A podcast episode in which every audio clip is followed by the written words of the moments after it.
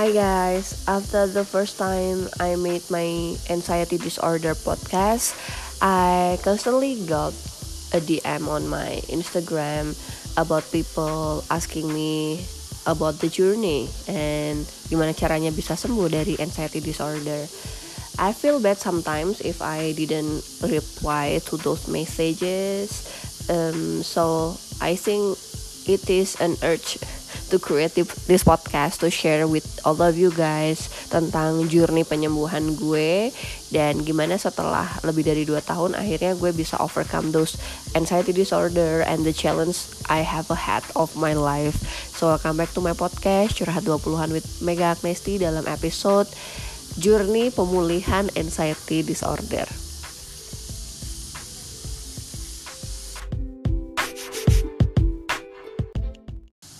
Ketika gue mengalami anxiety disorder, awalnya tentu saja gue juga nggak tahu anxiety disorder itu apa.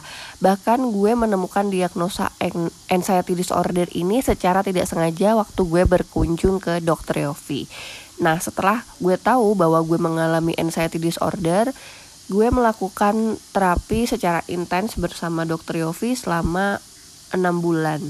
Nah terapi intens ini itu gue lakukan dengan cara selama sebulan gue dua kali datang ke dokter Yofi. Dan apa pun terapi yang dokter Yofi suruh gue lakukan gue lakukan. Jadi misalnya disuruh journaling tapi karena gue nggak bisa journaling so I do podcast. Uh, kemudian apa ya selama enam bulan itu my mind keep developing gitu loh. Ada banyak hal yang gue cari tahu kenapa begini kenapa begini kenapa begini but at the end of the day kayak gue diajarin melatih otak untuk cari tahu the real problem and find uh, oh no no no. Dia nggak dia nggak minta gue untuk find the solution. Gue cukup selalu diminta oke okay, what is the real problem? What is the real problem? Nah dari situ aja kayak enam bulan itu real problemnya beda-beda. I mean ya namanya orang bingung ya kayak kusut gitu pikirannya maka harus diuraikan. Nah diurainya itu nggak bisa dalam satu hari selesai.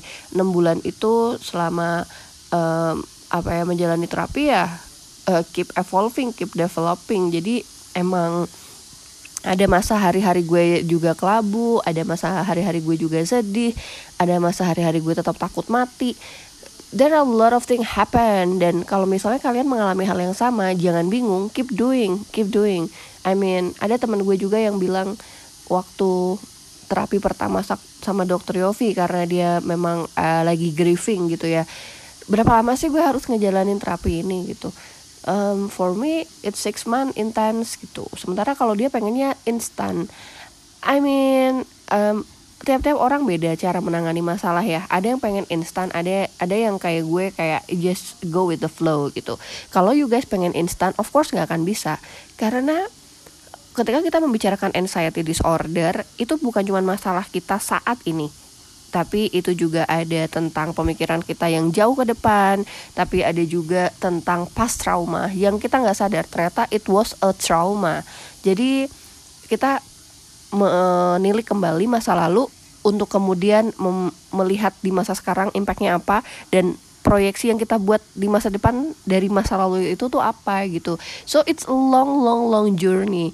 But dengan ahli yang tepat mendampingi kalian untuk terapi um, itu kalian akan bisa melaluinya lah karena di enam bulan pertama itu it's really really hard for me to tapi ketika akhirnya pelan-pelan otaknya udah terbiasa dilatih and everything jadi lebih bisa apa ya berpikir jernih karena I always try to find the real problem. Jadi kenapa gue sedih? Oke, okay, real problemnya apa? Kenapa gue takut mati? Real problemnya apa? Uh, there are a lot of things yang keep keep growing, keep developing during the journey. Dan kalau kalian bingung itu hal yang wajar. Kalau kalian mudi itu hal yang wajar. Kalau kalian hari ini sedih kemudian esoknya udah bisa normal itu hal yang wajar. Dan during this time stop alcohol I know it's so hard but stop alcohol karena alkohol akan memperburuk keadaan so you can do something else like sport you know jadi itu adalah fase pertama masuk ke fase kedua gue udah mulai nggak intens nih. Jadi kayak cuman sebulan sekali. Jadi gue konsultasi ke dokter Yofi baik online maupun offline. Terus um, tiap kali datang pasti ada hal yang berbeda dibahas gitu. Dan perkembangan kita selalu dicatat sama dokter Yofi kan. So she knows apa yang kita alami apa yang kita lalui apakah ada progres atau enggak membaik atau malah memburuk those things, those kind of things. Dan pengalaman gue sama teman-teman gue tuh beda-beda karena mungkin gue tipenya nggak terlalu berat ternyata masalahnya, jadi terapinya ya biasa aja gitu. Um, tapi kalau misalnya ada teman gue yang ternyata masalahnya jauh lebih besar, terapinya jauh lebih banyak terapinya kalian jangan pikirin kita disuruh kayak minum obat atau doing uh, things yang aneh-aneh gitu enggak enggak uh, ada banyak sekali kayak pertanyaan yang harus kalian jawab and then um, brain exercise I guess. Jadi gue nggak bisa cerita gimana melaluinya. Karena kayak kalau ditanya kemarin lo pengobatannya gimana sih? I just can say terapi udah. I don't know gimana dokter Yofi membuat gue akhirnya uh, menemukan root dari permasalahan hidup gue. Um, dan apa ya gue nggak bisa cerita into the details step-stepnya apa aja so if you want to ask about the step maybe someday I will invite Dr. Yofi untuk join, but it is better if you find yourself karena terapi itu personal sifatnya. Jadi terapi di gue sama terapi di kalian bisa jadi berbeda. But yes, setelah 6 bulan intens sama dokter Yofi, fase kedua gue udah mulai nggak intens, cuman regularly ketemu satu bulan sekali. But I do it for two years. Jadi emang selama itu. Kenapa? Karena ketika kita selesai mengatasi anxiety disordernya, kita tetap harus maintain the brain untuk bisa di state of mind yang seperti sekarang, yang normal. Dan kalau misalnya kalian udah ngerasa gue udah normal kok, then why don't you improve? Jadi gue juga sama, gue bilang dokter Yofi, uh, dokter Yofi aku tuh udah happy. So what should I do after my happy moment? Dan dokter Yofi bilang, you should improve it. I mean, are you are you udah ngerasa cukup gitu loh dengan being happy kita masih bisa improve your happiness loh and then I did jadi setelah fase itu ya gue uh, dua tahun itu melakukan kunjungan rutin ke dokter Yofi setiap bulan terus ya udah gue improving my my session with her. Udah nggak lagi ngomongin anxiety disorder. Gue udah mulai ngomongin uh, tentang hal lain dalam hidup yang pengen gue improve gitu. Yang ketiga fasenya. Ketika semuanya itu udah terlalui kan fase improvement. Nah ketika fase improvement ini gue merasa uh, my life is so much better I mean di fase kedua gue masih menghadapi saat-saat takut kematian tapi itu tadi ada brain exercise yang bisa ngebuat kita tahu ketika menghadapi ini brain kita tuh harus diajarin apa sih supaya nggak mikirin itu lagi so it's on it's not only the changing of our behavior but how our brains work. Nah, terus ketika uh, apa namanya? Ketika lo sedih, ketika gue sedih, gue tuh udah bisa mengatasinya. Ini gue sedihnya karena apa ya? Karena basically kita tuh disuruh latihan untuk brain kita tuh tahu ini drama yang kita create atau this is the real problem gitu. Jadi brain exercise tuh penting banget karena sama seperti badan, otak kita tuh juga harus dilatih kan.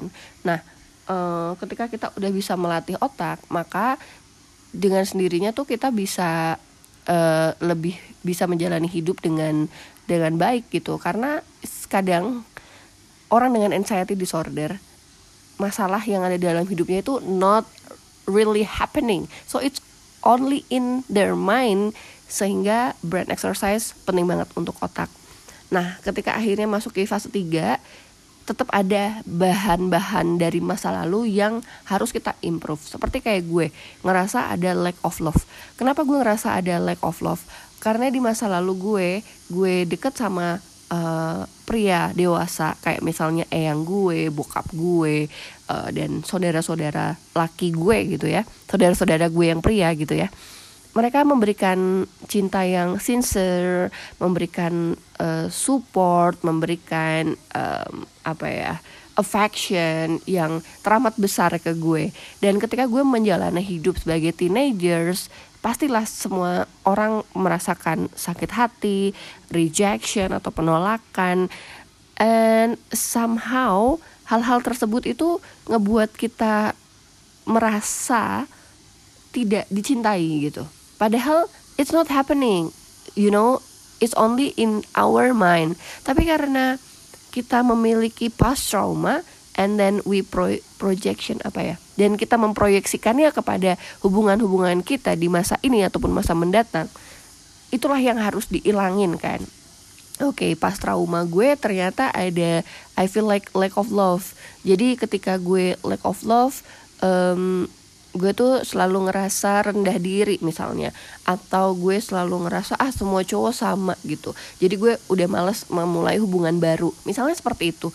Nah dari fase 3 ini gue dilatih dokter Yofi. Gimana sih caranya supaya gue love myself?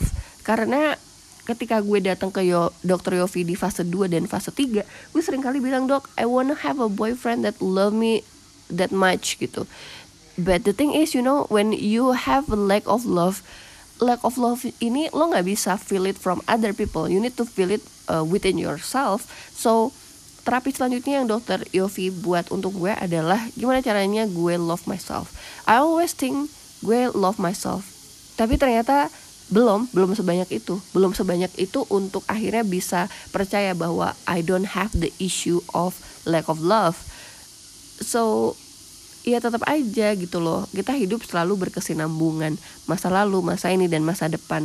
Apa pun yang kita lalui di masa lalu tentu bisa membawa luka batin kita untuk uh, di masa ini. Bisa juga menjadi ketakutan kita di masa depan. So first thing first we need to heal ourselves. After that we need to love ourselves. Yang selanjutnya ketika kita udah punya konsep diri yang kuat kita akan bisa move forward dengan lebih baik you know what guys? In di tahun 2022 ini uh, I met some person lah ya. Dan gue tuh jadi paham gitu loh kenapa gue waktu menjalani relationship terakhir gue I feel like I lack of love. Can you imagine like three years relationship and he never said he love me? Um, dan itu tuh sangat menyakitkan gitu loh buat gue sebagai cewek. I mean three years man. Nah tapi ketika akhirnya gue bertemu dengan orang-orang baru ini uh, I feel like that's not me. I mean ketika gue menjalani tiga tahun relationship itu ternyata gue nggak jadi diri gue sendiri. Karena apa? Karena gue tuh anaknya gengsian banget kan. So gue tuh nggak mau meruntuhkan dinding-dinding gengsi gue uh, sehingga hal tersebut yang membuat gue jadi orang lain. Dan I know that my boyfriend at that time is really really nice person really really kind person. Uh, dan ya dia buat gue jadi orang yang lebih baik of course. Tapi ternyata ketika gue nggak jadi diri gue sendiri the whole relationship is such a mess. Sehingga ketika gue akhirnya ketemu orang-orang baru dan ternyata ketika gue bersama mereka gue bisa jadi diri sendiri I feel like liberated gitu rasanya lebih bahagia ketika gue berada dalam sebuah dating or a relationship with someone yang lebih bisa mengeluarkan diri gue menjadi diri gue yang apa adanya gitu. Karena itu tadi masalah gue adalah gengsi gitu. Jadi ketika ada masalah I never talk to my boyfriend like openly. Um, but akhirnya gue ketemu orang yang brutally honest. So ketika dia nggak suka sesuatu he will say it out loud. Ketika dia mengatakan hal tersebut gue sem sempat kaget. Tapi oke. Okay, dan it takes me a while untuk digest it. So ketika dia mengutarakan apa yang bikin dia uh, apa yang dia nggak suka it takes me like two three days untuk how to respond it ya uh, but finally when I respond it dia tetap apa ya dengan dengan baik menjelaskan. Dan dia senang ketika gue bisa memahami hal itu. Dan akhirnya gue tanya uh, ketika lo marah sama orang in real life what should what what will you do? Karena dengan begitu gue jadi paham. Ketika gue marah sama dia what should I do?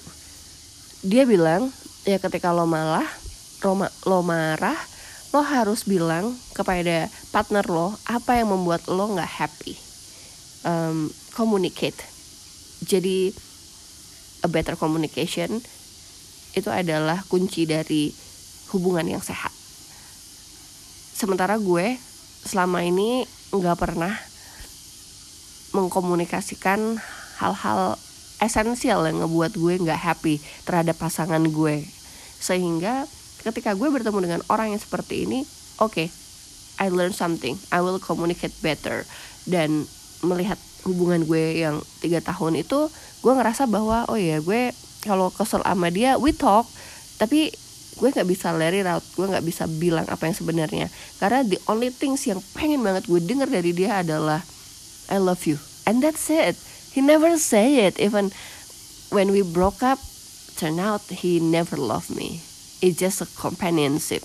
Karena dia ngerasa oke okay, I enjoy our companion your companion.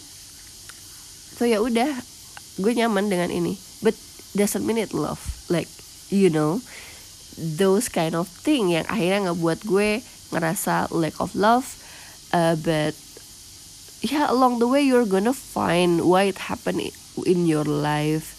Uh, dan of course ketika lo pernah disakiti lo pernah nggak percaya sama orang it will affecting your behavior it will affecting your mind. Dan ketika lo ada dalam sesi terapi sama psikolog terutama sama dokter Yofi ya lo tuh akan mengalami apa ya a lot of thing happen on your on your mind sih. So ya kuncinya adalah lo harus sabar. Kuncinya adalah balik lagi ke diri lo sendiri apakah lo lo mau change atau enggak. Karena dengan begitu uh, lo tuh akan lo akan jauh lebih komit sih. Kalau lo sabar terus lo memang dari dalam diri pengen berubah lo akan komit. Gue tipenya nggak komit-komit amat karena setelah dua tahun itu gue ketemu dokter Yofi masih sangat naik turun. Kadang ketemu sebulan sekali kadang enggak. Apalagi kalau kayak sekarang gue dikasih tugasnya tuh lumayan membuat gue berpikir lama gitu. So ya yeah, that was my journey untuk bisa pulih dari anxiety disorder. Recapnya adalah satu enam bulan pertama gue intens dua kali sebulan gue ketemu sama dokter Yofi. Dan dari situ uh, selalu ditanya real problem real problem real problem uh, terus yang fase kedua gue ketemunya cuma satu bulan sekali tapi dari situ gue tetap develop a lot of thing. I went through a lot of thing. Uh, ketakutan tetap ada kesedihan tetap ada but you have the therapy untuk train your brain supaya lo bisa mengatasi masalah-masalah itu sendiri. Dan di fase ketiga ketika gue pengen improve things in my life tetap ada pas trauma yang dibahas uh, tetap ada terapi untuk how to improve it how to let go of my pain how to let go of my trauma. Tapi first thing first we need to heal ourselves we need to love ourselves. Dan dengan begitu tuh kita akan punya konsep diri yang kuat sehingga kita bisa move forward with every challenge we face in our life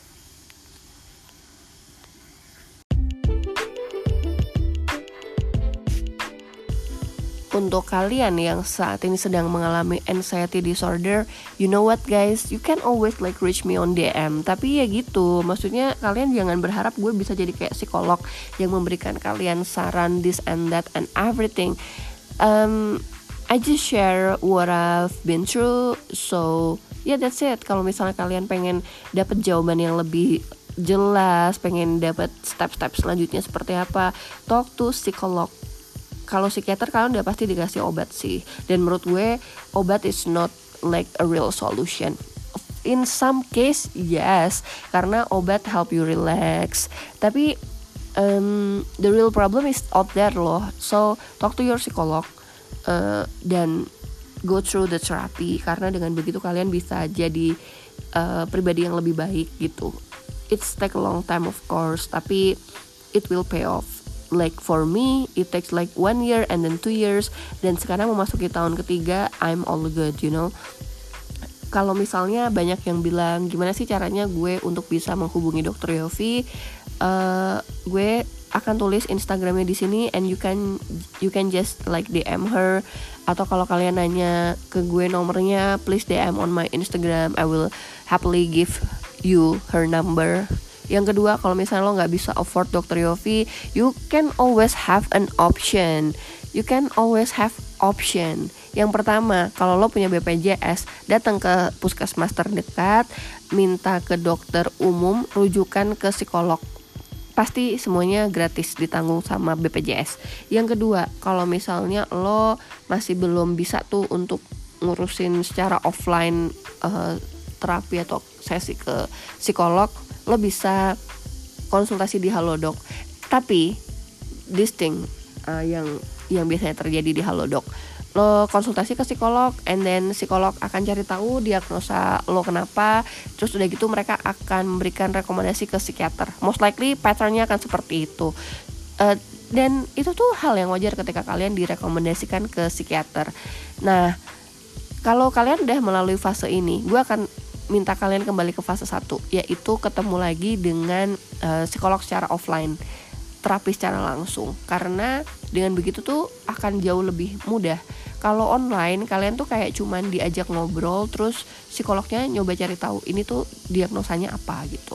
So ya yeah, menurut gue uh, akan selalu ada jalan kok untuk kalian bisa memperbaiki uh, mental health kalian. Dan inget ya mental health itu sama aja dengan physical health. Butuh exercise, butuh obat, butuh vitamin, butuh improvement.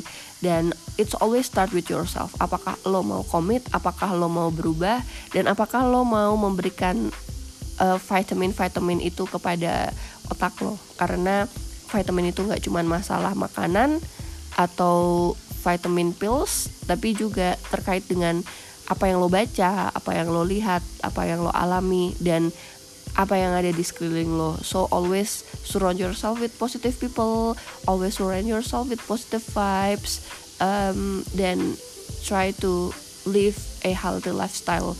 Karena makanan itu tetap sumber vitamin utama untuk otak. So apa pun yang kalian makan itu matters untuk otak kalian. Uh, dan mungkin dengan exercise bersama psikolog untuk terapi-terapi yang kalian lalui akan bisa membuat otak kalian jauh lebih memiliki performa yang baik gitu. Thank you so much for listening to this episode. I hope it could help you melalui your anxiety disorder experience is not comfortable of course, but I believe I believe if I can get through this, I believe you guys can do the same things too. Have a good day guys. Sampai ketemu di episode selanjutnya. Bye bye.